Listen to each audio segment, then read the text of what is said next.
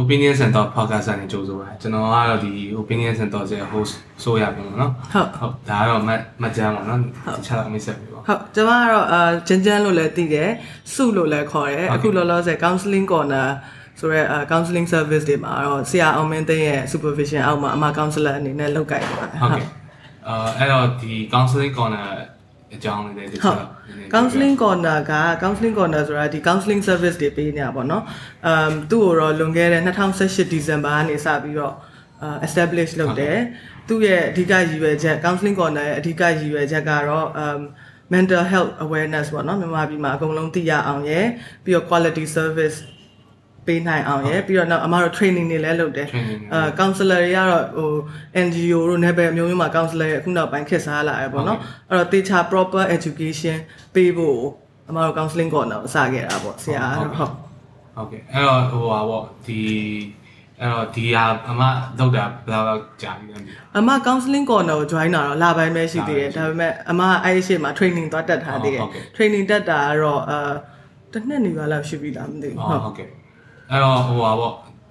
uh just, let's jump right into it what ဟုတ် is ဟုတ် mental health ပေါ့ mental ကျွန်တော်တို့စိတ်အပြင်မှာဆိုရင်ကြတော့ပြောဟိုစိတ်ကျမ်းမာရေးလို့ပြောရင်ယူတယ်ပဲလူတွေကထင်ဟုတ်တယ်ဟုတ်ဟုတ်အာအဲ့တော့အဲ့ဒီနဲ့ပတ်သက်အဲ့လိုအစွဲ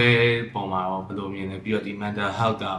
ဘယ်လောက်အရေးကြီးလဲပေါ့ဟုတ်အာ mental health လို့ပြောလိုက်လို့ရှိရင်တော့ဒါ emotional အာ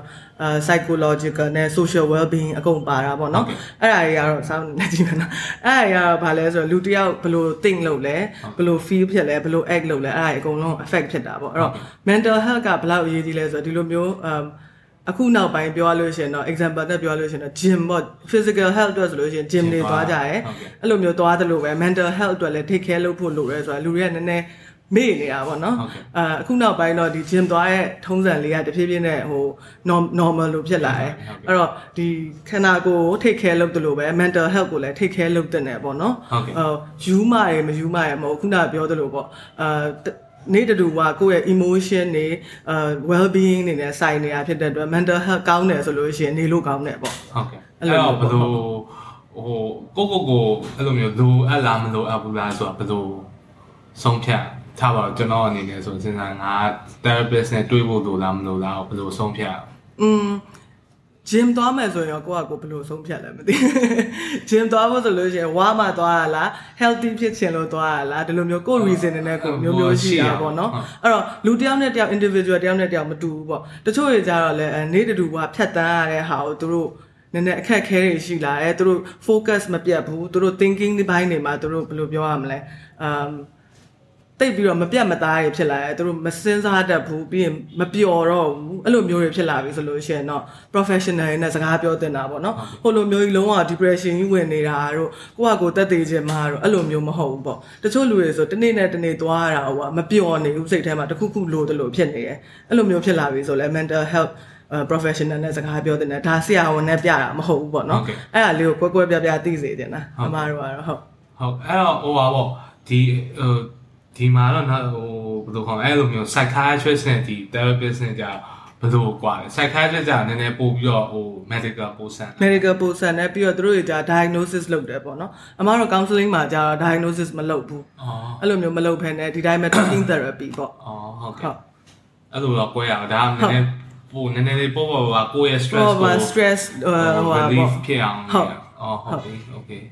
ဟုတ်ဟုတ်အဲ့တော့ဒီ psychiatrist ဆိုရင်တော့သူက diagnose လုပ်ပြီးတော့ကိုယ်ဆေးတွေပေးပါပေးနေအစေးတွေပါအမားတို့ကတော့လုံးဝဆေးပေးတာတွေပါမလုပ်ဘူးအမားတို့လည်းဆရာဝန်လည်းမဟုတ်ဘူးဟုတ်ဟုတ်အမားတို့နဲ့လာတွေ့ရဲဆိုတာဒီလိုပေါ့နော်ကိုယ့်ရဲ့ problem တွေကိုတိတ်ပြီးတော့အဲ့လိုခေါင်းစားတဲ့ဟာတွေပေါ့တိတ်ပြီးတော့ကိုတေချာမဖြေရှင်းနိုင်တဲ့ဟာတွေပေါ့အဲ့လိုမျိုးဟာမျိုးလေးစကားလာပြောရင်းနဲ့သူတို့ဘာသူတို့ found out ဖြစ်အောင်လို့အမားတို့ကကူညီပေးတယ် ဟုတ်ကဲ့အဲ့တော့ဟိုပါပေါ့ဒီထားပါကိုကျွန်တော်က therapist ကိုရွေးမယ်ဆိုရင်ဘယ်လိုဘယ်လိုမျိုးရွေးတင်လဲပေါ့ကိုဘာဖြစ်လို့လဲဆိုတော့ဒါကိုယ့်ရဲ့ဟိုဘယ်လိုပြော Well-being ဖြစ်တယ်ဟုတ်ဟုတ်ပြီးတော့ကိုယ့်ရဲ့ဟာအဲ့လိုမျိုးကြာတော့ဒီခုနကပြော patient doctor အဲ့လိုမျိုး relationship ရှိမှဆိုတော့ဘယ်လိုမျိုးရွေးရမလဲပေါ့ဟုတ် counselor တိုင်းကတော့အမှန်တိုင်းပြောရလို့ရှိရင် counselor တိုင်းက confidentiality ကိုအဓိကထားရတယ်ပေါ့နော်ဘယ် counselor မဆိုပေါ့အာ individual တယောက်နဲ့တယောက်တော့မတူဘူးတချို့တွေကြတော့ဘယ်လိုဟာမျိုးကိုရွေးလဲဆိုတော့သူတို့ရဲ့ education ကိုကြည့်တယ် counselor ရဲ့ education ကိုကြည့်ရဘယ်မှာလက်မှတ်ရထားလဲဘာတွေလုပ်ဘူးလဲအဲ့လိုမျိုးကြည့်ရပေါ့နော်တချို့တွေကြလည်းအဲ့လိုမဟုတ် experience ကိုကြည့်တယ်သူတို့ဘာ experience တွေရှိလဲပေါ့ အဲတချို့တွေကြလည်းဒီလို confidentiality ပေါ့သူတို့တွေဘယ်လောက်ထိ confidentiality ကို keep လုပ်နိုင်လဲပေါ့အဲ့ဒါကတော့ရွေးတဲ့လူပေါ်မှာမူတည်တယ်အမားတို့အမားအတုံးကတော့အမလည်းအရင်တော့ client လုပ်ခဲ့ဘူးတယ် counselor မလုပ်ခင်တော့အဲ့တော့အမားတုံးကတော့ရန်ကုန်မှာအရင် choice အများကြီးမရှိဘူးအဲ့တော့ရှိတဲ့လူကိုပဲရွေးရတာဟုတ်ပေါ့ကဲ့ဟုတ်ကဲ့အခုဒါပေမဲ့ကျွန်တော်တွေ့တော့ပေါ့နော် online မှာလည်းထားပါတော့အဲ့လိုမျိုးတွေ့လာရပေါ့နော်ဟိုဒီ service တွေပေါ့ counseling ဆိုဒီ counseling အဲ corner ရှိမယ်တခြားနောက် ဟို marble တို့ဟိုဟိုဟာ reach out မြန်မာတို့အဲ့လိုမျိုးတွေလည်းတွေ့ရပါတော့ဒါကျွန်တော်ဒီဟာဒီ mental health အကြောင်းဟိုဒီ podcast ပြောမယ်ဆိုပြီးတော့ဟိုဖြစ်တဲ့ကျွန်တော် research လုပ်ကြည့်ရဘယ်သူတွေရှိရဘယ်လို ဟွာလုပ်လို့ရမယ်ဆိုတော့ဒီ၃ခု၄ခုလောက်တော့ကျွန်တော်တွေ့ရပါဟုတော့တ်ဒီ covid-19 ချိန်မှာတော့တော်တော်များများ emotional support program တို့ဒီ mental health well-being program တို့အဲ့လိုလေးတွေတော့ထွက်လာတယ်အမားတို့နဲ့ affiliate လုပ်ထားရဆိုရင် counseling corner ရှိမယ်ပြီးတော့ counseling corner နဲ့ပဲဆက်ဆက်ပြီးတော့ဆက်ထွက်သွား call me today တို့ honest hour တို့အဲ့ဒါတွေတော့ရှိမယ်ဟုတ်ကဲ့အဲ့တော့ဟိုပါပေါ့ဒီ covid ကာလမှာဟို client တွေတက်လာတယ်လို့များလာတယ်လို့မြင်တာဒါမှမဟုတ်ဘလို့အာ covid ကာလမှာ client တွေများလာတယ်လို့မြင်လာဆိုတော့အမအထင်ပြောရရင်တော့ဒီ mental health ကို awareness ပိုတက်လာတယ်လို့မြင်တယ်အာ client ကတော့အရင်တော့ကမရှိဘူးလားဆိုတော့ကိုရီရှိမှလည်း client တွေကတိတ်မသိဘူးလေနော်အခုနောက်ပိုင်းဒီ covid 19ဖြစ်လာတော့မှသူတို့ mental well being လေးတွေကိုနည်းနည်းဟို take care လုပ်ရမယ်ဆိုတာလူတွေနည်းနည်းသိလာအဲဆိုတော့အိမ်ထဲမှာနေပြီးတော့အဲနည်းနည်းနည်းဟိုပါပေါ့ anxiety တွေတက်နေတာပေါ့နော်အဲ့လိုမျိုးဖြစ်လာတာသူတို့သိလာရဲဆိုတော့ဒီ mental health အတွက်ကြတော့ covid 19ကအာ ဟို opportunity လို့ဖြစ်သွားတာပေါ့နော်သူကဟိုပါပေါ့ဟို highlight လုပ်လိုက်သူဟုတ်တယ်ဟုတ်တယ်ပါလေဟုတ်အဲ့အဲ့လိုမျိုးပေါ့ဟုတ်ဟုတ်အဲ့တော့ဒီကျွန်တော်တို့ဒီမြန်မာနိုင်ငံမှာဆိုရင်ရောဘယ်လိုကိစ္စတွေကအများဆုံးဖြစ်မလဲကျွန်တော်သိတဲ့လောက်ဆိုရင်တော့ဟိုအရင်တော့သိတာပေါ့ဟိုတော်တော်များများကတော့ဒီခုနပြောဆိုအရက်ဖြတ်တာတို့ငွေစေးဖြတ်တာတို့အဲအဲ့လိုဟာတွေပဲများတယ်ပေါ့နော်ကျွန်တော်ဟိုတကယ်ချင်းတွေထဲမှာလည်းရှိတယ်ဆိုတော့လေဟုတ်အဲအဲ့တော့အခုနောက်ပိုင်းကျဘယ်လိုမျိုးပြောင်းလဲလာလဲအာ COVID-19 ဖြစ်ဖြစ်လာတဲ့အချိန်ပေါ့နော်အမပြောနေတာ COVID-19 အချိန်မှာလည်းရှိပါတယ်အဲများသောအားဖြင့်မြန်မာပြည်မှာမမဟုတ်ဘူးနိုင်ငံတိုင်းမှာဘာများလဲဆိုတော့ stress anxiety depression ဒါလေးတွေကတော့ဟိုနည်းနည်းလေးလူရှုထားပြီးတော့များနေတဲ့ဟုတ်ကဲ့ဟိုဟာတွေပေါ့နော်ဟိုဟာအဲဟို mental health problem issue လေးတွေပေါ့နော်ဒါပေမဲ့ covid-19 ဖြစ်လာတဲ့အချိန်မှာ anxiety တွေကတော့ပိုများတယ်ပြီးတော့ confinement ပေါ့အပြင်မထွက်ရတဲ့ဟာအပြင်မထွက်ရတဲ့ဟာမျိုး isolation လုပ်ခံရတဲ့အခါကျတော့ outlet မရှိဘူးသူတို့အတွက်ဟိုအိမ်မှာဆိုလို့ရှိရင် for example အမေနဲ့ကိုနဲ့ရန်ဖြစ်တယ်ဆိုလို့ရှိရင်ဟာအမေဒိုးပြီဆိုပြီးထွက်သွားလိုက်လို့ရတယ်ဒါပေမဲ့ဒီအခု covid-19 ချိန်မှာကြာမရဘူးမရတော့အိမ်အိမ်တွင်ဟိုရန်ဖြစ်မှုတွေပိုများလာတာပေါ့ domestic domestic ဟိုဟာတွေဖြစ်လာ issue တွေပိုများလာတာပေါ့နော် ဟုတ်ဟုတ်ကဲ့အဲ့တော့မို့ကျွန်တော်နောက်တစ်ခုသိချင်တာပြီးတော့ဒီ urban နဲ့ဟိုကျွန်တော်ဒီမျိုး urban နဲ့ rural ပေါ့နော်ခါပါကျွန်တော်တို့မြန်မာနိုင်ငံမှာကျတော့ဟို rural population ကပုံများတယ်ဒီတော့ပေါ့နော်အဲ့တော့အဲ့ဒီလိုမျိုးနေထိုင်မှုမတူတဲ့ပုံမှာတော့သူတို့ issue တွေတူမတူတော့ဘူးလို့ကျွန်တော်ထင်တာပေါ့နော်အဲအဲ့လိုမျိုးနေရာမျိုး rural နေရာမျိုးတွေမှာဆိုလို့ရှိရင်တော့ basic needs နဲ့ပတ်သက်တဲ့ issue တွေပေါ့နော်ဒါပေမဲ့ အဲ covid-19 နဲ့ပြန်ပြောမယ်ဆိုလို့ရှိရင်ကြတော့ဘယ်နေရာမှာမဆိုလူတွေကအိမ်ထဲကအိမ်ပြင်မထွက်ရတဲ့ဟာဖြစ်နေတော့သူတို့ frustration တွေများနေတာပေါ့အဲ့မှာဘာတက်လာလဲဆိုတော့အခုအာ covid-19 during covid-19 ပေါ့နော်မြန်မာနိုင်ငံမှာမဟုတ်ဒီ UN နိုင်ငံတွေအကုန်လုံးမှာ domestic violence က20%အောင်တက်သွားတယ်ဟို ဒီ culture တွေကြောင့်လည်းပါတာပေါ့နော် culture ကြောင့်ပါရဲဆိုတာဟိုတနေ့ကလည်းအမ counseling corner ကနေပြီးတော့ live လွှင့်တော့အမတို့ပြောခဲ့သေးတယ်။ဘာဖြစ်လဲဆိုတော့ pandemic ဖြစ်လာတဲ့အချိန်မှာဒီဟို domestic violence က shadow pandemic ဆိုပြီးတော့အောင်သူများကပြောကြတယ်။ဘာလို့လဲဆိုတော့ pandemic နောက်ကနေ shadow လိုမျိုးလိုက်လာတာပေါ့နော်။အဲ့တော့မြန်မာပြည်မှာ culture ကြီးကိုယ်တိုင်ကလည်းယောက်ျားတွေက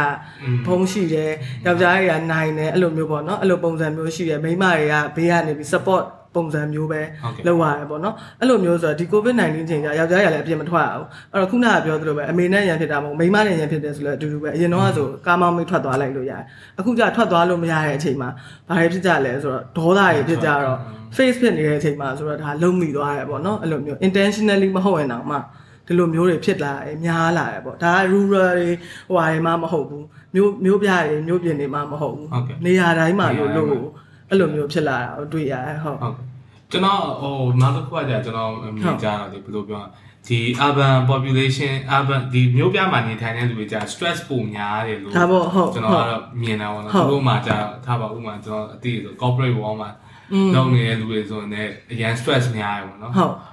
အဲ့အဲ့လိုကျွန်တော်အမြင်ကြသူတို့တွေကြာအဲ့လိုမျိုးခုနပြောဒီလိုမျိုး counselor နဲ့အမြဲထိတွေ့ဖို့လိုတယ်လို့ကျွန်တော်နောက်တဖြပို့ည်းထဖြည်းမြင်တယ်င်ဟုလာတ်တာပေါ့နော်ဟုတ်ဟုတ် အဲ့ဒါလည်းဟုတ်ပါတယ်အများအားခုနကပြောသလိုပေါ့အမ်အဲ client တယောက်ဆိုလို့ရှိရင်အမကဘာပြောလဲဆိုအရင်တော့အာသူနဲ့တခုစိတ်ညစ်ပြီဆိုလို့ရှိရင်တငယ်ချင်းတွေကိုပြောလိုက်ပြီဆိုလို့ရှိရင်တငယ်ချင်းတွေကဂျင်သွားပါလားလို့ပြောတယ်တဲ့ဒါပေမဲ့ तू သွားကြည့်ရပေါ့နော်သွားကြည့်ရဲ့အချိန်မှာဘာမှလည်းစိတ်ညစ်တာမပြောက်သွားဘူးပေါ့ဟုတ်တယ်ဂျင်သွားရဲဆော့ရဲအချိန်တော့ကုန်သွားရဲပေါ့ဒါပေမဲ့ပြီးသွားလို့ရှိရင်သူ့ရဲ့ mental state ကဒီတိုင်းကဒီတိုင်းပဲပေါ့အဲ့တော့ဘာဆက်လုပ်ကြမလဲပေါ့ဟုတ်ကျွန်တော်အမြင်ပေါ့ဂျင်သွားရတယ်ဒီ mental ဟို in a way အထောက်အကူဖြစ်တယ်ဘာဖြစ်လို့လဲဆိုတော့ तू ကဒီဟိုဘာပြောထွက်တယ်ဗျဒိုပမ်ဒီဟိုတခုခုကိုလောက်လိုက်နိုင် accomplish ဖြစ်သွားတယ်ဆိုတော့ तू ဒိုပမင်းတွေထွက်လာတယ်ဆိုတော့ तू ကနည်းနည်းတော့နေလို့ကောင်းသွားပြီးချွေးပါထွက်သွားတယ်ဆိုတော့ကိုယ်ခန္ဓာကိုယ်ရဲ့ toxic တွေထွက်သွားတာပေါ့ဟုတ်ဟုတ်ဒါမဲ့ဟိုသူတို့ရဲ့ issue ထဲက deep down issue တွေကြတော့ ပြောလိုက်မှထွက်တဲ့ဟာမျိုးတွေရှိတယ် express လုပ်လိုက်မှထွက်တဲ့ဟာမျိုးတွေရှိတယ်တချို့တွေကြတော့ငယ်ငယ်တွေက upbringing ပေါ့အိမ်တွေကဟိုအရင်တုန်းကဟိုမငိုပါဘူးငိုရင် weak ဖြစ်တယ်အဲ့လိုတခုဆိုလို့ရှိရင်မပြောနဲ့ feeling ကိုပြောလို့ရှိရင်ဒါ sensitive ဖြစ်တယ်လို့ပြောခံရမယ်ဆိုတဲ့ဟာမျိုးတွေကများနေတယ်အဲ့ဒါကျွန်တော်အမြင်ပေါ့နော်ယောက်ျားလေးတွေဘက်မှာပို့ပို့ဆိုးတယ်ဟုတ်ဟုတ်ဟိုအဲ့လိုပေါ့နော်အမေတည့်ရမှာငယ်ငယ်တော့ငိုရင်မယောက်ျားမဟုတ်ဟုတ်လားအဲ့လိုမျိုးတွေပေါ့နော်ဟုတ်တယ်အဲ့ဒါတွေကအစားကျွန်တော်အမြင်ဟို နည်းနည်းလွဲနေတာပေါ့ဟုတ်နော်တယ်ဒါကတော့ parenting culture ပေါ့ culture ပေါ့ဟုတ်နော်ဟုတ်ပြီးတော့ဟိုအဲ့ဒီအဲ့ဒီ culture ရတယ်ပြောင်းမှုဆိုတာလေတော်တော်ကြီးဒီနေ့ဟုတ်မှာတယ်နော်ဒါတော့အခုနောက်ပိုင်းတော်တော်ကြီးပွင့်လာတယ်လို့ပြောလို့ရတယ်အခုနောက်ပိုင်းဟို gender equality ကိုလူတွေအများကြီး practice လုပ်လာတာတွေ့ရတယ်ဟုတ်ကဲ့သို့ပေမဲ့လည်းမြန်မာပြည်လိုနေရာဖြစ်နေတော့ကျွန်တော်အမြင်ပေါ့နော်ဒါလည်းကျွန်တော်အမြင်မြန်မာပြည်မှာကျွန်တော်တို့ကြတော့ဟိုတခြားနေသူပဲကိုကိုကိုပေါ့နော်ကျွန်တော်ဆိုရင်တော့ ဟိုဘယ်သူပဲဖြစ်ဖြစ်ဘာဘာပဲဖြစ်ဖြစ်ဒီတိုင်းလူလူလိုပဲမြင်တယ်ဟုတ်ဆက်ဆိုင်ဟုတ်တယ်ပေါ့နော်ဟုတ်ဟိုဒါပေမဲ့တချို့တွေတော့ရှိတယ်ပေါ့နော်ဟုတ်အဲ့ဒါကြတော့လေဒါသူတို့ရဲ့ဘယ်လိုပြောမလဲခုနပြော culture အရာကာချာရငယ်ငယ်တွေကပေါ့နော်ငယ်ငယ်တွေကရိုက်သွင်းခံရတဲ့ဟာတွေပေါ့ဟုတ်အဲ့လိုပဲမြင်သူတွေကျွန်တော်ကတော့လူတိုင်းကိုသူတို့ပဲမြင်စေချင်တယ်အကုန်လုံးကိုဟုတ်အဲ့လိုပေါ့နော်မှန်ပါအဲ့ဆိုဘာမှပြဿနာမရှိ तू ဟုတ်တယ်သူသူမှားရင်သူမှားရပေါ့နော် individual လိုက်ပဲကျွန်တော်အဲ့လိုကြီးဟို နာမည်ဒီ group like ဟိုပြောမှာ stereotype ပဲမကြိုက်ဘူးဟုတ်ဟုတ်ဒါပေမဲ့ဆိုရလို့ပြောလူတိုင်းဖြစ်နေတယ်နော်ကောင်းတာပါအခုကလူတိုင်းကမဖြစ်နေတော့ဒီလိုလေး issue လေးတွေထွက်လာတာပေါ့နော်ဟုတ်ဟုတ်ကဲ့အဲ့တော့ဟိုခုနပြောကျွန်တော်သိချင်တဲ့အဲ့ဒီတက်လာရဲဆိုတော့ domestic violence ကဘယ်လောက်ထိဆိုးဆိုးရွားရွားထိကျွန်တော်မြန်မာပြည်မှာဖြစ်တယ်ပေါ့ဒါမှလူသေးအထိဖြစ်လာอืมအဲ့ဒါကတော့အာလူသေးတဲ့အထိဖြစ်လာဆိုတာဖြစ်တဲ့ case တွေလည်းရှိမှာပေါ့နော်ဟုတ်ဒါပေမဲ့အများသောအားဖြင့် အာယောက်ျားလေးတွေကလည်းခုနကပြောလို့ gender ID ရဲ့ culture ရဲ့အကြောင်းသူတို့က upper ဟိုဟာရ upper hand လို့မျိုးပုံစံမျိုးအကုန်လုံးကလက်ခံထားတယ်အဲ့ထဲမှာဘယ်သူတွေကပါလက်ခံလဲဆိုအမျိုးသမီးတွေကပါလက်ခံတယ်အဲ့တော့ तू ကိုဒါ abuse လုပ်နေတာဆိုတာ abuse လုပ်တယ်လို့မသတ်မှတ်ဘူးဘာတွေလဲဆိုတော့အဲဒီလိုရိုက်နေမှဟိုဆဲနေမှဒါ abuse မဟုတ်ဘူးကွာတကယ်လို့အာဘယ်မသွားအောင်เนาะဟိုလူနဲ့ဖုန်းမပြောရအောင်เนาะဟိုလိုမလုပ်ရအောင်เนาะ restriction တွေနဲ့လိုက်ပြီးတော့ချုပ်ချယ်နေရဆိုရင်ဒါ abuse ပဲဆိုတာကို လူတွေကမသိကြဘူးဟုတ်ကဲ့ဒါပေမဲ့တချို့ကြာတယ်ခုနပြောလို့ဟိုကိုဒီမျိုးသမီးတွေကိုယ်တိုင်လက်ခံနေဆိုတာသူတို့အဲသူတို့ကဒါကို normal လို့ပဲထင်နေတာပေါ့နော်သူတို့ကမှန်တယ်လို့ဟိုသူတို့သူတို့ကိုလည်းရိုက်သွင်းခဲ့တယ်ငငယ်တွေကဟိုငငယ်တွေကဟိုအမေတွေအဖေပြောလို့ရှိရင်ယောက်ျားလေးဆိုလို့ရှိရင်ကအပြင်သွားလို့ရတယ် main ကလေးကကြတော့ supporting role ကိုပဲသူတို့က support လုပ်တာတယ်ဟို main ကလေးဆိုလို့ရှိရင်အိမ်အိမ်နောက်ဦးစီးလုပ်ရမယ်ဆိုတဲ့စကားမျိုးတခါမှမပြောဘူးပေါ့နော်အဲ့တော့ငငယ်လေးတွေက main ကလေးတွေကသူတို့ကိုသူတို့ supporting role လို့ပဲလက်ခံလိုက်ရတယ်ပေါ့ culture ကြောင့်ဒါပေမဲ့အခုနောက်ပိုင်းမှာじゃအခုခေတ်လူငယ်တွေအဲ့တော့ဟိုနည်းနည်း open open minded ဖြစ်လာတယ်လို့ပြောလို့ရတယ်စာရေးဖတ်တယ် gender equality ကိုသူတို့တကယ် practice လုပ်တယ်အဲ့လိုမျိုးကြတော့ မိဘတွေနဲ့သားသမီးတွေကြားမှာအမှတခါကျွန်တော်တို့ပြောတာပြောတာပါဟိုဟိုခေါင်းသူကြီးရပြောအဲ့လိုမျိုးခုနကပြောကားချရဒါပေမဲ့ပွင့်နေပြောရင်အခုကျွန်တော်တို့ရဲ့နိုင်ငံကောင်းဆောင်အမျိုးသမီးပဲဟုတ်တယ်ဟုတ်ဆိုတော့အဲ့နည်းနည်းတော့ဟို contradict ဖြစ်တယ်အတိဟုတ်တယ်ပြီးတော့အခုလောလောဆယ်အခုခေတ်ကြီးကဖြစ်နေရပါဆို open minded ဖြစ်တဲ့လူတွေကလည်းအရင်ဖြစ်တယ်လုံးဝကို conservative ဖြစ်တဲ့လူတွေကလည်းအရင်ဖြစ်တယ်ဆိုတော့အဲ့နှစ်ခုကြီးရောနေတာပေါ့အခုလောလောဆယ်တော့မြန်မာပြည်မှာဟုတ်ကဲ့ အဲတခြားဘာဘယ်လို issue တွေတွေ့တွေ့ရတယ်ပေါ့ဒီ covid မှာလား covid တခုရမဟုတ်ကျွန်တော်မြန်မာပြည်မှာဘယ်ဟာဘယ်လိုမျိုး issue တွေ relationship issue တွေပေါ့နော် relationship issue တွေကြတော့စိတ်ဝင်စားဖို့လည်းတော်တော်ကောင်းတယ်။ဘာလဲဆိုတော့ငယ်ငယ်လေးတည်းကမိဘနဲ့ကလေးရဲ့ attachment style တွေပေါ့ attachment တွေကအမှမကောင်းခဲ့တော့ဒီငယ်ငယ်တော့ကမိဘနဲ့မကောင်းခဲ့တဲ့ attachment style အတိုင်းအောင်ပဲအသက်ကြီးလာတဲ့ relationship တိုင်းမှာသွားပြီးတော့လူတွေက သွားပြီးတုံးတယ်ပေါ့နော်အဲ့မှာတော်တော်ပြဿနာလေးဖြစ်တာတော့တွေ့ရတယ်ဟုတ်ကဲ့အဲ့တော့ငငယ်လေးကစရဆိုတော့ဒါသူဘယ်ကောင်ခုန parenting ကိုပြန်ဟုအောင်တ်တယ်ပါဟုတ်အဲ parenting မှာကျတော့ဟိုအမအမြင်ပေါ့ဘယ်လို general ဘယ်လိုမြင်လဲပေါ့ပြီးရင်ကျွန်တော်အမြင်လေးကျွန်တော်ပြောပြဟုတ်အဲ parenting ကတော့ခုနအဆိုရနဲ့မပြောခင်တည်းကလည်းအမတေချာစဉ်းစားလာရပေါ့နော်အဲဘယ်မိဘမှကတော့ကိုသားသမီးကိုတော့ ဟို trauma ကြီးဖြစ်သွားအောင်တော့ငါတို့ကလှုပ်လိုက်မယ်ဆိုတဲ့ဟာမျိုးတော့မရှိဘူး Intentionally intentionally တော့မဟုတ်ဘူးဒါပေမဲ့တချို့တွေကြတော့လေခုနကပြောလို့ conservative မိဘတွေကနေမွေးလာတဲ့ထပ်ပြီးတော့မိဘဖြစ်တဲ့လူတွေကြတော့ရိုက်ဆုံးမတာတို့ဘာတို့ကြတော့ဒါကလေးအတွက်ဟိုပါပေါ့အဲ့လိုရိုက်ဆုံးမှအပြင်ကိုကျွန်တော်ဟိုနောက်တစ်ခုကြာကျွန်တော်ပြောရင်ဟိုမိဘကိုယ်တိုင်ရတယ်ဒီ mental issue ရှိနေရဆိုရင်อืมဟိုသူခလေးမှလည်းအဲ့ဒီ effect ကို ပြန်သွားသွားပြီးတော့ထိတာပေါ့ထိတယ်ဟုတ်ပေါ့ဟုနော်တ်အဲ့လိုမျိုးပေါ့အဲ့တော့ဒီအစတွေကဟိုလူကြီးတွေကျွန်တော်ကျွန်တော်အမြင်ဆိုရင်ကျွန်တော်တို့ရဲ့မိဘတွေအရွယ်ရအစအကုန်လုံးကဒီလို counseling အဲ့လို mental health issue တွေရှိရတယ်ရှိကျွန်ရတော်ဟုတ်အမြင်တယ်ပေါ့ဟုတ်ဟုတ်တချို့မိဘတွေဆိုရင်သူတို့ရဲ့ ego တာသမီပေါ်မှာအရန်များတော်တော်များများမိဘတွေအဲ့လိုမျိုးပေါ့ဟုတ်ကျွန်တော်ဟုတ်မြန်မာမိဘတွေ parent တွေ parent တွေက ဟိုသူတို့ဖြစ်ချင်တာကိုတာသမီမှာအတင်းဖြစ်အောင်ဟုတ်လုပ်တယ်ခိုင်းနေမှန်တယ်တာဟုတ်တွေရှိတယ်ပေါ့ဟုတ်နော်ဟုတ်အဲအဲအဲအဲဟာအဓိကဆိုလို့ရှိရင်အဲ့ဒါကိုအဓိကအဲ example ပေးလို့ရတာဗာလဲဆိုတော့ education မှာပေါ့ဟုတ်ကဲ့ဟိုငယ်ငယ်တုန်းကဆိုအမားတို့ဆိုကတော့မိဘရဲ့ဆိုဟုတ်ကဲ့အကုန်လုံးမိဘ engineer လုပ်မလား Science ဆရာဝန်လုပ်မလားဒီနှစ်ခုပဲ choice ဟုတ်ကဲ့ပေးထားတယ် ဟိုအမှန်တိုင်းဖြစ်ရမှာကတော့နိုင်ငံခြားမှာဆိုလို့ရှိရင်ကလေးတွေဘာအောင်စိတ်ဝင်စားလဲဆိုတာငယ်ငယ်တည်းကမိဘတွေရောဒါမှမဟုတ်ဆရာမတွေကသိတယ်သူတို့ရဲ့အကြောင်းတွေမှာဆိုလို့ရှိရင်လည်းပကြီးရှိတယ်ဟုတ်တယ် sports ရှိတယ်အကုန်ရှိ arts တွေရှိတယ်အဲ့လိုအကြောင်း science ပဲစိတ်ဝင်စားတဲ့လူတွေသူတို့မှာဝေးတွေအများကြီးရှိတယ် မြန်မာပြည်မှာကျတော့ဒါကိုပဲတင်ပြီးွားရင်မိဘတွေကသူတို့ခေတ်တော့လည်းသူတို့ဆရာဝန်ဖြစ်ခဲ့လားဆိုတော့မဖြစ်ခဲ့ဘူးစစ်ဘုံဖြစ်ခဲ့လားဆိုတော့မဖြစ်ခဲ့ဘူးဒါပေမဲ့သူတို့မဖြစ်တဲ့ဟာကိုသူတို့သားသမီးတွေကိုဖြစ်စေချင်တယ်ဟုတ်တယ်အမှန်တိုင်းပြောရင်ခလေးဘာဖြစ်ချင်လဲဆိုတာကိုသူတို့မအဲအဲ့ဒီလုပ်ပေးရမှာပေါ့နော်လုပ်ပေးရမှာအပြင်ဟုသူတ်ဟိုခလေးကိုလည်းသူကတိကိုဘာဖြစ်ချင်လဲဆိုတာတိအောင် လမ်းစာမပေးမပေးထားမပေးထားဘူးပေါ့နော်ပြီးတော့ creativity ကိုလုံးဝအားမပေးဘူးလေမြန်မာ education ကလည်းအဲ့လိုမျိုးဆိုခလေးကလည်းသိကိုမသိဘူးအဲ့တော့ဘယ်ချိန်တွေမှာပြဿနာတက်လဲဆိုဆရာဝန်တွေသွားဖြစ်ကောအမဆရာဝန်တွေဖြစ်ခုနှစ်နှစ်လုံးစာတင်ပြီးလဲပြီးတော့ဆရာဝန်မလုပ်ချင်တော့ဘူးစီးပွားရေးတွေဝင်တော့မယ်ဆိုတော့ကျွန်တော်တငယ်ချင်းတွေအများကြီးရှိတယ်အများကြီးရှိတယ်နော်အဲ့တော့ နှစ်ဦးနှစ်ဖက်လုံးတော့မကောင်းဘူးပတ်စံလည်းကုန်တယ်အချိန်လည်းကုန်တယ်ပြီးတော့စဉ်းစားကြည့်တကယ်ဖြစ်ချင်တဲ့သူကမဖြစ်ဘဲနဲ့ဥမာဆရာဝန်လိုဟာမျိုးဆိုရင်တည်းအမှန်နဲ့ဖြတ်တာအခုနောက်ပိုင်းဆိုဘယ်နှစ်ယောက်ပဲရွေးမယ်ဒါတော့တကယ်အဲ့ထဲမှာဘယ်လောက်ပါစံတကယ်ဖြစ်ဆရာဝန်ဖြစ်ချင်တာလဲဒါမှမဟုတ်အိမ်ကအတင်းလောက်ခိုင်းလို့လောက်ရတယ်ဆိုရင်သူတို့အတွက်လည်းအချိန်ကုန်တယ်ဟုတ်တယ်ဟိုထားပါတော့ဟိုဟိုတစ်ဖက်ကစဉ်းစားရင်လည်းဟိုတင်ပေးတဲ့ဆရာဆရာမတွေရဲ့အချိန်တွေလည်းကုန်တယ်လက်ဟတာဖြစ်တယ်ပြီးဟုတ်တယ်ရင်ထားပါတော့ဟိုဒီ ကျောင်းရဲ့ resource တွေလည်းအလားဟတာဟုတ်ပုံတယ်တယ်ပေါ့နော်ဟုတ်အဲ့တယ်လိုမျိုးမြင်တာပေါ့ဟုတ်ဟုတ်အယမ်းမှန်တယ်အဲ့တော့ပြီးွားလို့ရှိရင်လည်းအကုန်လုံးဟိုကလေးတီလည်းကိုလှုပ်ချင်တဲ့အလုပ်လုပ်ရတာမဟုတ်တဲ့အတွက် तू तू လည်းမပြောဘူးဟုတ်တကယ်လို့လှုပ်လိုက်တယ်ဆိုရင်လည်းမပြောဘူးပေါ့နော်မမမလှုပ်မလှုပ်လိုက်တာတွေကတော့ပုံများတယ်အကုန်လုံးကြောင်းပြီးသွားတော့မှစီးပွားရေးပဲလှုပ်တော့မယ်ဆိုပြီးလှုပ်လိုက်တာတွေပုံများတယ်ပေါ့ဟုတ်ကဲ့ကျွန်တော်ခုနပြောနေရပါတယ်ဒီဆရာဝန်နေသူတို့ကျောင်းနေရတဲ့ resource တွေကုန်တယ်ဟုတ်တယ်ဟုတ် အဲ့တော့ဟိုကျွန်တော်နည်းနည်းနည်းဘေးရောက်သွားဆိုတနေ့ပြန်ပြီးတော့ဟိုဖြစ်တယ်အဲ့တော့ဒီခုနပြောတဲ့ main issue ဒီ parenting ပေါ့နော်ဟုတ် parenting နဲ့ပတ်သက်ပြီး relationship ကြတော့ဘယ်လိုမျိုးအတွဲလိုက်လာပြီးတော့ အဲ့လိုမျိုး counseling လုပ်တာလဲဟိုတယောက်တည်းအမားတို့စီမှာတော့တယောက်တည်းလာပြီးသူတို့ဖာသူတို့ပေါ့နော် attachment style အမေအဖေနဲ့ပြဿနာဖြစ်ခဲ့ပြီး relationship တွေမှာဆက်ပြီးတော့အခုအသက်ကြီးတဲ့ဒီပြဿနာဖြစ်တဲ့လူတွေကအဲ individual လာပြီးတော့ counseling ယူတာလည်းရှိတယ်ပြီးတော့ family counseling ပေါ့ Family family counseling နဲ့ group လိုက်လာပြီးတော့မိဘတွေရောသားသမီးတွေရောလာတာလည်းရှိတယ် and then relationship မှာနှစ်ယောက်အဆင်မပြေဘဲနဲ့အဆင်ပြေခြင်းလို့ဆိုပြီးတော့ couple လာတဲ့ဟာလည်းရှိတယ်ဟုတ်အဲ့တော့ဟို ခုနပြောတဲ့ family လိုက်လာတဲ့ဟာနည်းနည်းစိတ်ဝင်စားအဲ့အဲ့အကြတော့ဒီ group တစ်ခုလုံး group တစ်ခုလုံး counsel လုပ်ကောင်ဆယ်အဲ့မှာသူတို့ပြောပေါ့သူတို့ကအဲသူတို့ရဲ့တယောက်နဲ့တယောက်ရဲ့သူတို့ဖြစ်ချင်တဲ့ဟာလေးကိုပြောကိုကတော့ judge တယောက်အနေနဲ့ပဲအလဲရပါတော့ bias မပါဘဲနဲ့ဟိုဟာလုပ်ရတယ်အဲ့ counsel တော့လုပ်ရတယ်တော်ခံအောင်ဥပမာထားပါတော့ဟိုဘာလဲဆိုတော့ဒီမှာဟိုဒီဥမာကုနာလိုမျိုး family ဟာဆိုအမေကဒါဖြစ်ချင်တယ်အမေကဒါဖြစ်ချင်တယ်အဖေကဒါဖြစ်ချင်တယ်သားကဒါဖြစ်ချင်တယ်ဒါပေမဲ့တချို့တွေကြတော့အဲ့လို သူတို့ family ထဲမှာသူတို့မပြောဘူး counseling room နဲ့ရောက်တော့မှဒါပြောတာတကယ် genuine feeling တွေကိုပြောတာအော်အဲ့လိုမျိုးဆိုတော့ communication ပေါ့အဓိက communicate မလုပ်ဘူးသူတို့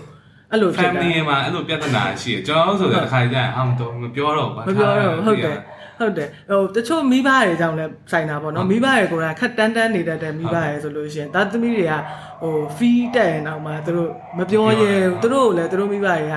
feeling နဲ့ပတ်သက်ပြီး emotion တွေမပြခဲ့ဘူးမပြခဲ့တဲ့လူမျိုးသွားပြီးကို fee တက်တာတော့ပြောရင်လည်းသူ relate မလုပ်နိုင်ဘူးလို့ထင်ပြီးမပြောကြဘူးအဲ့ဒါလည်းများတယ်ပေါ့နော်ဒီမှာဟိုကျွန်တော်အမြင်ပါဟိုဟိုဟို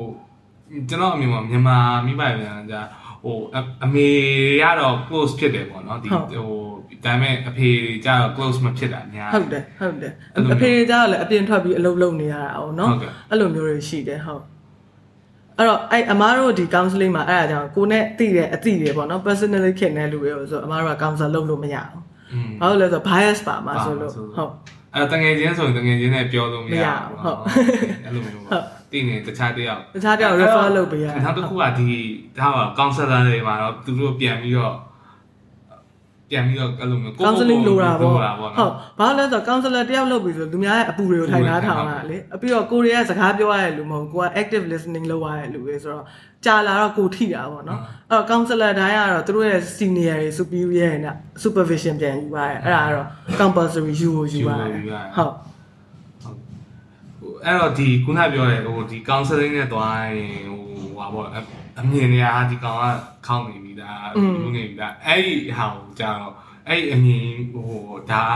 normal ပဲပေါ့နော်ဒါသူခုနပြောလို့ဂျင်သွားသလိုပဲအဲ့လိုမျိုးကို mental health အတွက်လုပ်တယ်ဆိုအဲ့လိုမျိုးအမြင်ဖြစ်ဖို့ကြာတော့ဟိုတခြားတော့ဒီလို platform တွေကျွန်တော်တို့ platform တွေရှင်တခြားဘယ်လို platform တွေကနေ educate လုပ်ဖို့အစီအစဉ်တွေရောရှိလားအာအမားတို့အခုလောလောဆယ်ကတော့အမားတို့ဟာအမားတို့ counseling corner ဆိုပြီးလည်းဖွင့်တယ်ပြီးတော့ဆရာကလည်း live အနေနဲ့အများ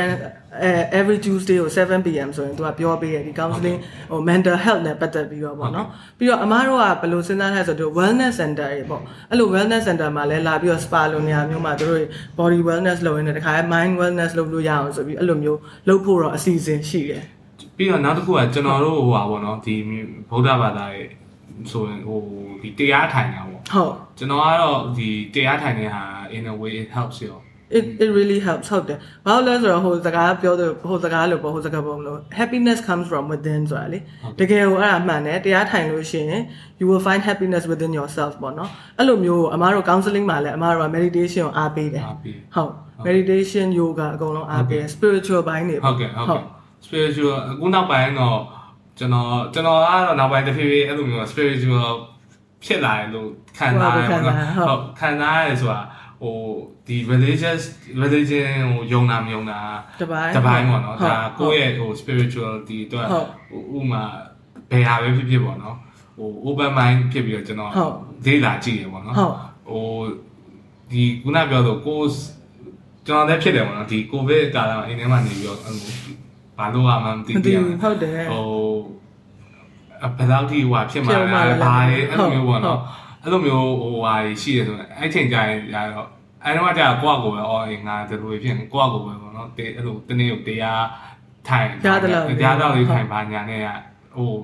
it pass ပေါ့နော်ဟုတ်အဆင်ပြေသွား calm down ဖြစ်တယ်ဟုတ်ကဲ့ဟုတ်ဟုတ်အမားတို့ဆိုလည်းအဲ့လိုပေါ့အရန် ဟို anxiety နဲ့ depression ဆိုတာအရင်ကြီးရတယ်လူတွေကလေဟို anxiety ဆိုတာမဖြစ်သေးတဲ့ future ကိုကြည့်ပြီးတော့သူတို့စဉ်းစားပြီးတော့တွေးပူတာပေါ့နော် depression ကျဖြစ်ပြီးသားဟာတွေကိုသူတို့ပြန်စဉ်းစားပြီးတော့တွေးပူရဲဆိုတော့လူတွေက in the now မနေဘူးအဲ့တော့အရှိတွေကိုစဉ်းစားလိုက်နောက်တွေကိုစဉ်းစားလိုက်နဲ့စိတ်တွေညစ်နေတာပေါ့နော်အဲ့တော့အခုလက်ရှိမှာဖြစ်နေတဲ့ဟာတွေက ဘာမှပြဿနာမရှိရှိဘူးဟုတ်ကဲ့အဲ့ဒါကိုသူတို့ဟို appreciate မလုပ်နိုင်မဲနဲ့အရှိကိုကြိုကြိုစဉ်းစားပြီးဘာဖြစ်မှလည်းမသိဘူးအမ်စီးပွားရေးကလည်းမကောင်းတော့ဘူးဝင်ငွေကဘယ်လိုလာမှလည်းမသိဘူးကြိုစဉ်းစားကြိုကြိုစဉ်းစားပြီးသူတို့ရဲ့ anxiety တွေတက်တာပေါ့နော်အဲ့တော့ meditation ကအရန်ကောင်းတယ် meditation mindfulness present ကိုပဲကြည့်ရဟာမျိုးဆိုတော့ mindfulness meditation ဟုတ်ပေါ့ဟုတ်အဲ့လိုမျိုးဆိုတော့အရန်ကောင်းတယ် meditation ကိုတော့အမားတို့လည်းအားပေးတယ်ဟုတ်ကဲ့ဟုတ်အဲ့တော့ဒီတခြားဘာ issue တွေရှိတယ်ကျွန်တော်တို့မြန်မာပြည်မှာ ခုနပြောအဲဒီ parenting issue ရှိမယ် domestic ဒီလို violence တွေရှိမယ်ဟုတ်အဲ့လိုမျိုး domestic violence လုပ်တဲ့ဟိုထားပါတော့ဟို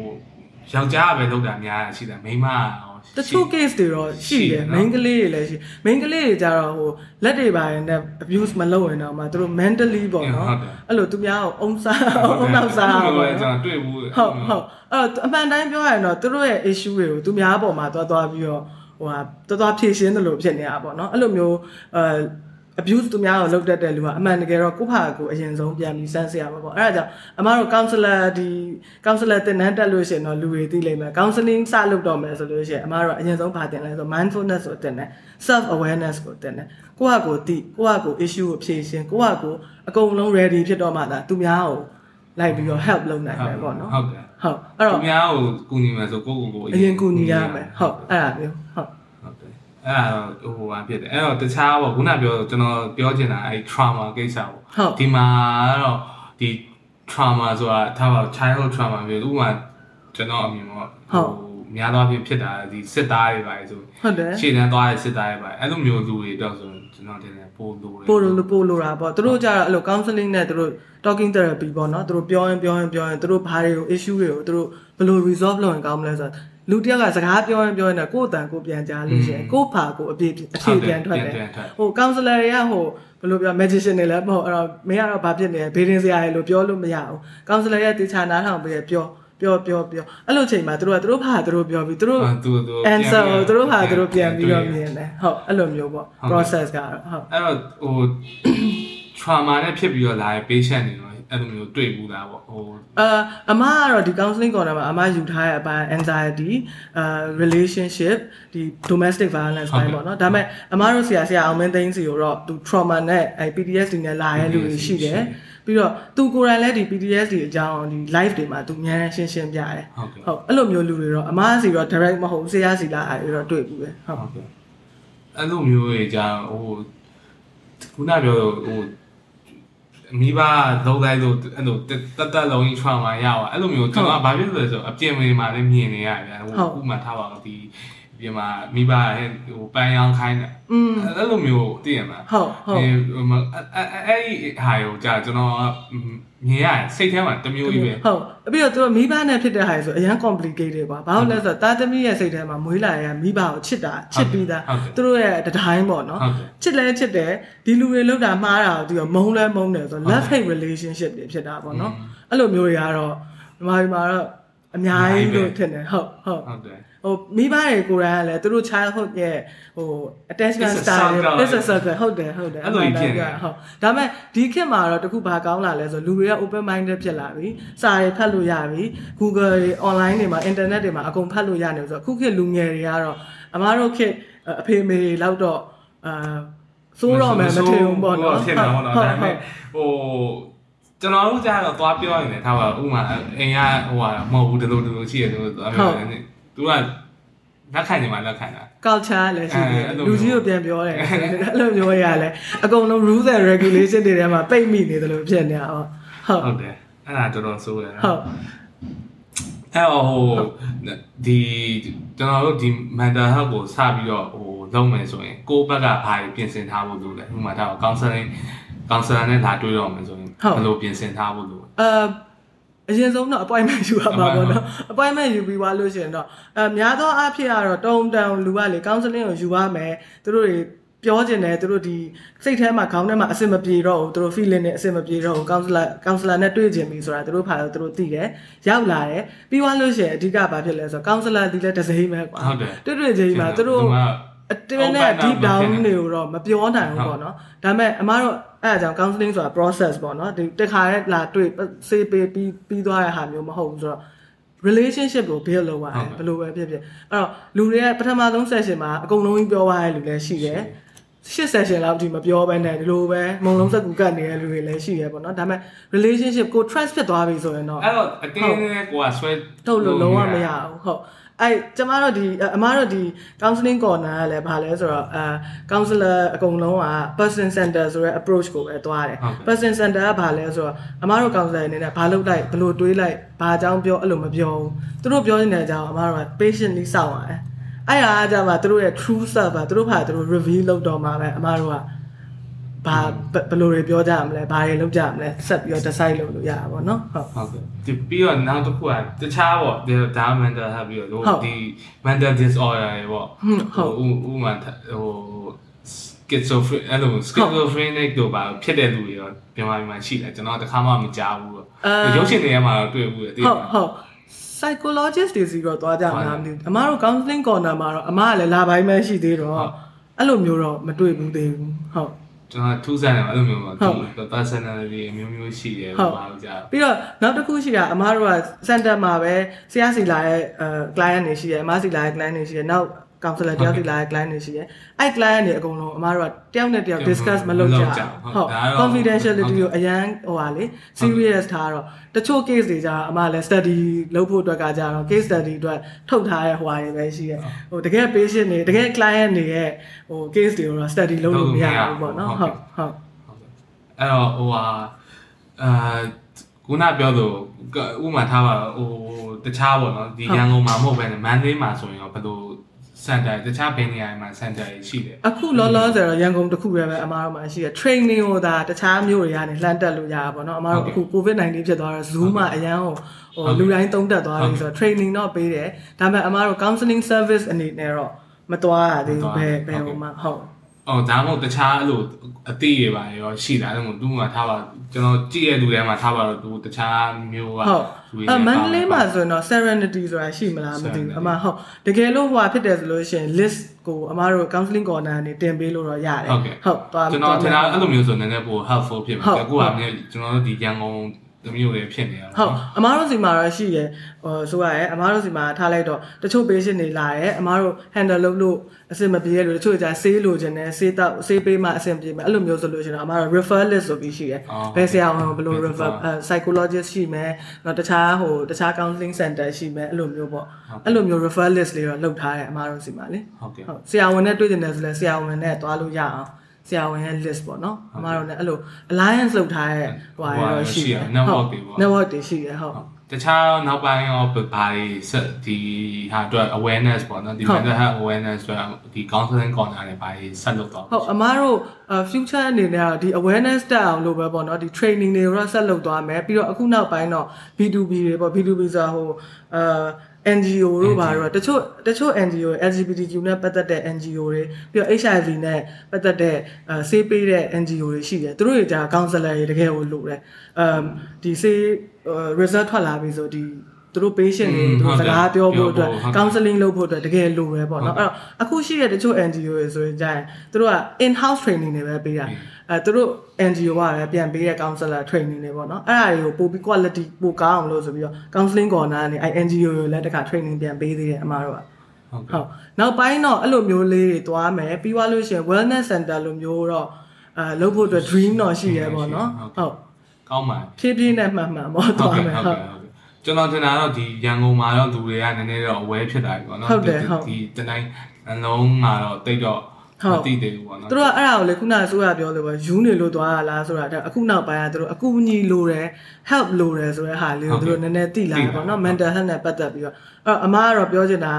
help လိုတယ်ထင်တယ်ကိုယ့်ဘာကိုအဲ့လိုအဆင်မပြေဘူးနေရတာပေါင်းတင်ဆက်ဆံရေးမှာလည်းအဆင်မပြေတော့ဘူးအဲ့လိုထင်တယ်ဆိုလို့ရှိရင် help လိုတယ်လို့ထင်တယ်ဆို seek လုပ်ပါ ဖုန်းဆက်ပါပြောကြည့်ပါတကယ်လို့ကိုယ့်အတွက်မဟုတ် counseling is not for me လို့ထင်လဲဆက်မပြနဲ့ပေါ့နော် it's your choice လေနော်အဲ့တော့အရင်ဆုံးတကယ်လို့ဟို help လိုတယ်ထင်လို့ရှိရင်တော့ hesitate မဖြစ်စေချင်ဘူးအခုလည်းဒီလိုမျိုး counseling corner တို့ honest hour တို့အဲ့လိုမျိုးအာ counseling service တွေရှိနေပြီဆိုတော့ဖုန်းလေးကောက်ဆက်လိုက်အောင်နဲ့ဘာလုပ်ရမလဲဆိုတော့ကိုနည်းနည်းသိနေပြီပေါ့နော်ဟိုပြီးတော့နောက်ဟိုလူတွေဘယ်လိုရှိတတ်လဲဆိုတော့အော် ကောင်ဆယ်လာနဲ့တွေ့မယ်ဆိုတော့ तू ကဘယ်လောက်ထိဟိုဖြစ်လို့တိလို့လဲအဲအဲ့လိုမျိုးပေါ့ဟုတ်အဲ့ဒါကြတော့လေအမတို့ counseling ကလေဘယ်ကစလဲဆိုတော့အာ counseling process ကသူတို့စပြီးတော့ counseling လိုပြီလို့စဉ်းစားလိုက်တာ ਨੇ သူတို့က stock လုပ်တော့တာဒီ social media တို့ဘာတို့မှာပေါ့နော် stock stock လုပ်တော့တာဆိုတော့သူတို့အဲ့ဒါကိုသူတို့တော့ pay stock လုပ်ထားတယ်အမတို့ကဘာလို့လဲဆိုတော့သူတို့ right ပဲလေဒါသူတို့ တကယ်ယုံကြည်မှသူတို့လာမှာပဲသူတို့မယုံကြည်ဘူးသူတို့ trust မဖြစ်ဘူးဆိုလို့ရှိရင်မလာလို့ရတယ်ဟုတ်အဲ့ဒါတော့သူတို့ choice ပေါ့နော်အခုမြန်မာပြည်မှာလည်းအခုက choice တွေကများလာပြီဆိုတော့သူတို့ choose လို့ရတယ်အများကြီးတော့ဟုတ်ကောင်းပါကျွန်တော်ကတော့ကောင်းတယ်လို့မြင်တယ်ပေါ့ဟုတ်နော်လူတွေလူတွေကျွန်တော်အထူးသဖြင့်ခုနပြောလို့ခလေးခလေးတွေနဲ့ခုနပြောရင်ဒီဟိုမိဘခလေး relationship relation မှာလည်းလိုတယ်ဟုတ်ဟုတ်ကဲ့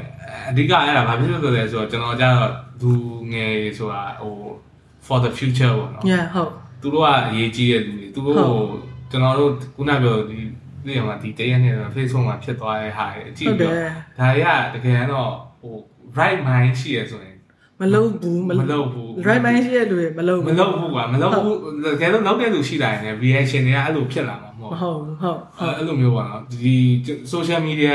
အဲ့တော့ဒီ social media နဲ့ mental health ကဘယ်လောက်ထိအဲ effect ဖြစ်လဲပေါ့ တော့အဲဒါကတော့ depends on individual ပဲပြောရမှာပေါ့နော်တချို့တွေကြတော့လဲ social media ကို use လုပ်တဲ့လူတွေရှိတယ် social media ကို abuse လုပ်တဲ့လူတွေရှိတယ် abuse လုပ်လို့ကကြီးတစ်ချိန်လုံး social media ကြည့်ပြီးတော့ကိုယ် self work ကို question တွေဖြစ်တယ်ဟဲကိုလူကတော့အရန်နေချမ်းသာနေပြီအလုပ်တွေလုပ်ပြီးတော့အရန်နေအောင်မငါကတော့ဟိုအဲ့လိုမဖြစ်သေးဘူးဆိုပြီးအဲ့ဟုလိုတ်တယ်ပြီးတော့ Instagram မှာဆိုပို့ဆိုရတယ်ကိုယ့်ဘာကိုယ်တွေ compare လုပ်တာပေါ့ main နော် face ဆိုတော့တည်ရဟုတ်မှာ तू က Instagram model တွေကတည်ရတယ်အရင်ဟုတ်တယ်ဟုတ်အရန်နေကိုလှပပြီအဲ့လိုမျိုးကြာအဲ့လိုအဲ့ကြရင် body issue တွေဖြစ်လာဖြစ်လာကိုယ့်ဘာကိုယ် body confidence တွေမရှိမရှိတော့တော့ဘူးအဲ့လိုမျိုးဆိုတော့ အမှန်တိုင်းပြောတော့လူကလေငငယ်တည်းကမိဘတွေရောအကြောင်းတွေမှာရော comparison ကိုသူတို့ကရိုက်သွင်းပြီးသားဟိုမောင်နှမနှစ်ယောက်ဆိုတော့တွေ့လာနင့်ကိုကပို့တော်တယ်အာနင့်မောင်ကဘာဖြစ်တယ်အဲ့လိုမျိုးတွေဆိုတော့လူတွေရဲ့ mind ကတော့ compare လုပ်မှာလုပ်မှာပဲအဲ့တော့အဲ့ဒါကြီးတော့ compare မလုပ်နဲ့လို့တော့ပြောလို့မရဘူးဒါပေမဲ့အဲ့လိုမျိုးဖြစ်လာပြီဆိုတော့ social media ကြည့်ပြီးအဲ့လိုဖြစ်လာပြီဆိုရင်သူများကိုအားကြလာပြီဆိုမနာလိုဖြစ်တဲ့အထိမထားနဲ့အားကြရတဲ့အထိပဲထားပြီးတော့သူ့လိုဖြစ်အောင်လုပ်မယ်ဆိုတဲ့စိတ်လေးပြောင်းလိုက်ပါ inspiration ရတာတော့ကောင်းပါဒါပေမဲ့ခုနကပြောလို့ ဟိုမနာလို့မနာလိုဖြစ်တဲ့အခါကျတော့ဘယ်သူမှမထီဘူးသူပဲပြန်ထီအောင်ဟုတ်တယ်ပေါ့နော်အဲ့ဒါလေးကိုသိထားရင်တော့ရ mindfulness ပေါ့အဲ့ဟုတော့တ်ကဲ့အဲ့တော့ mindfulness အော်ငါဒီလိုလုပ်လို့ရရင်ငါဒီလိုဖြစ်ချင်တယ်ဒီလိုတစ်နေ့လုပ်မယ်အဲ့လောက်နဲ့ရက်လိုက်ရင်ရပြီပေါ့နော်ဟုတ်ကဲ့ဟုတ်ဆိုကျွန်တော်အမြင်ကကြာဒီနောက်ပိုင်းသူဟိုဒီကျွန်တော်တို့ပါပါတယ်ပေါ့နော်ကျွန်တော်တို့အရွယ်တွေကအစဒီ social media ရဲ့ impact ကတော်တော်ကြီးတယ်အရင်ဟုတ်ရှိတယ်ပေါ့ဟုတ်နော်ဟုတ်ဟိုကိုစဉ်းစားရဲ့ပုံမှာရောကို ခုနပြောလို့ဖြစ်ချင်တာရောမဖြစ်ချင်တာရောအဲ့လိုမျိုးပေါ့အမျိုးမျိုးပေါ့သိရမလားဟုတ် pressure ကကိုယ့်အကိုယူနေသလိုကြီးဖြစ်ဟုတ်တယ်အဲ့ဒါကြောင့်လေ stress တွေကိုယ့်အကိုယူနေသလိုဖြစ်ဟုတ်နေတယ်သူများတင်တဲ့ပုံတော့နင်မတင်တဲ့လို့တော့ပြောလို့မရမရဘူးပေါ့နော်အဲ့တော့ကိုယ့်ဟာကို limit လုပ်ပေါ့ကိုယ်တကယ်လို့အဲ့လိုမျိုးမကောင်းတဲ့စိတ် negative thoughts တွေများလာပြီဆိုရင် like ခဏတော့ quit ထားလိုက်ပါ social media ဟုတ်ဟို technology ကအရင်ဟိုဖြစ်လာတော့ဟုတ်ဟို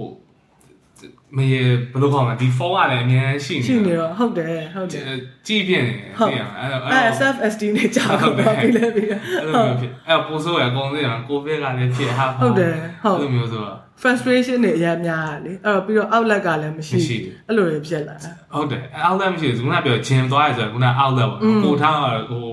အဲ anger issue ရှိနေတယ်ဆိုရင်လည်း gym မှာသွားပြီးတော့ဟို boxing ထိုးရပဲဖြစ်ပါလေတော့ကရင်နည်းနည်းတော့ တက်တာပါဒါဒါကတော့တယောက်နဲ့တယောက်မတူဘူးပေါ့နော်တချို့တွေကြာ gym သွားပြီးတော့အဲ့လိုလုပ်လိုက်ရင်တက်တာပါတချို့တွေကြာ gym သွားပြီးအဲ့လိုလုပ်တာတော့ဒဏ်ခတ်တလို့ကြီးပဲဆိုပြီးထင်တဲ့လူတွေလည်းရှိရပေါ့နော်အဲ့လိုမျိုးဆိုတော့တယောက်နဲ့တယောက်နဲ့ outlet ရွေးတဲ့နီးရတော့မတူဘူးဒါပေမဲ့ကိုဘယ်လိုလုပ်ရင်ဘယ်လိုစိတ်ချမ်းသာလဲဆိုတော့တိသွားရင်တော့ပိုကောင်းတာပေါ့အမားတို့ဆိုလို့ရှိရင်အမားဆိုခုနကပြောလို့ gym သွားဖို့ gym သွားရင်ပို့ပြီးတော့ stress ရိုက်တယ်အဲ့တော့ boxing ထိုးတာကြတော့အမားကကြိုက်တယ်ဟုတ်ကဲ့အဲ့လိုမျိုးဆိုတော့ကိုဘာလုပ်ရင် stress release ဖြစ်လဲ relief ဖြစ်လဲဆိုတာကိုသိဖို့လိုတာပေါ့နော်ဟုတ်ကဲ့ဟုတ်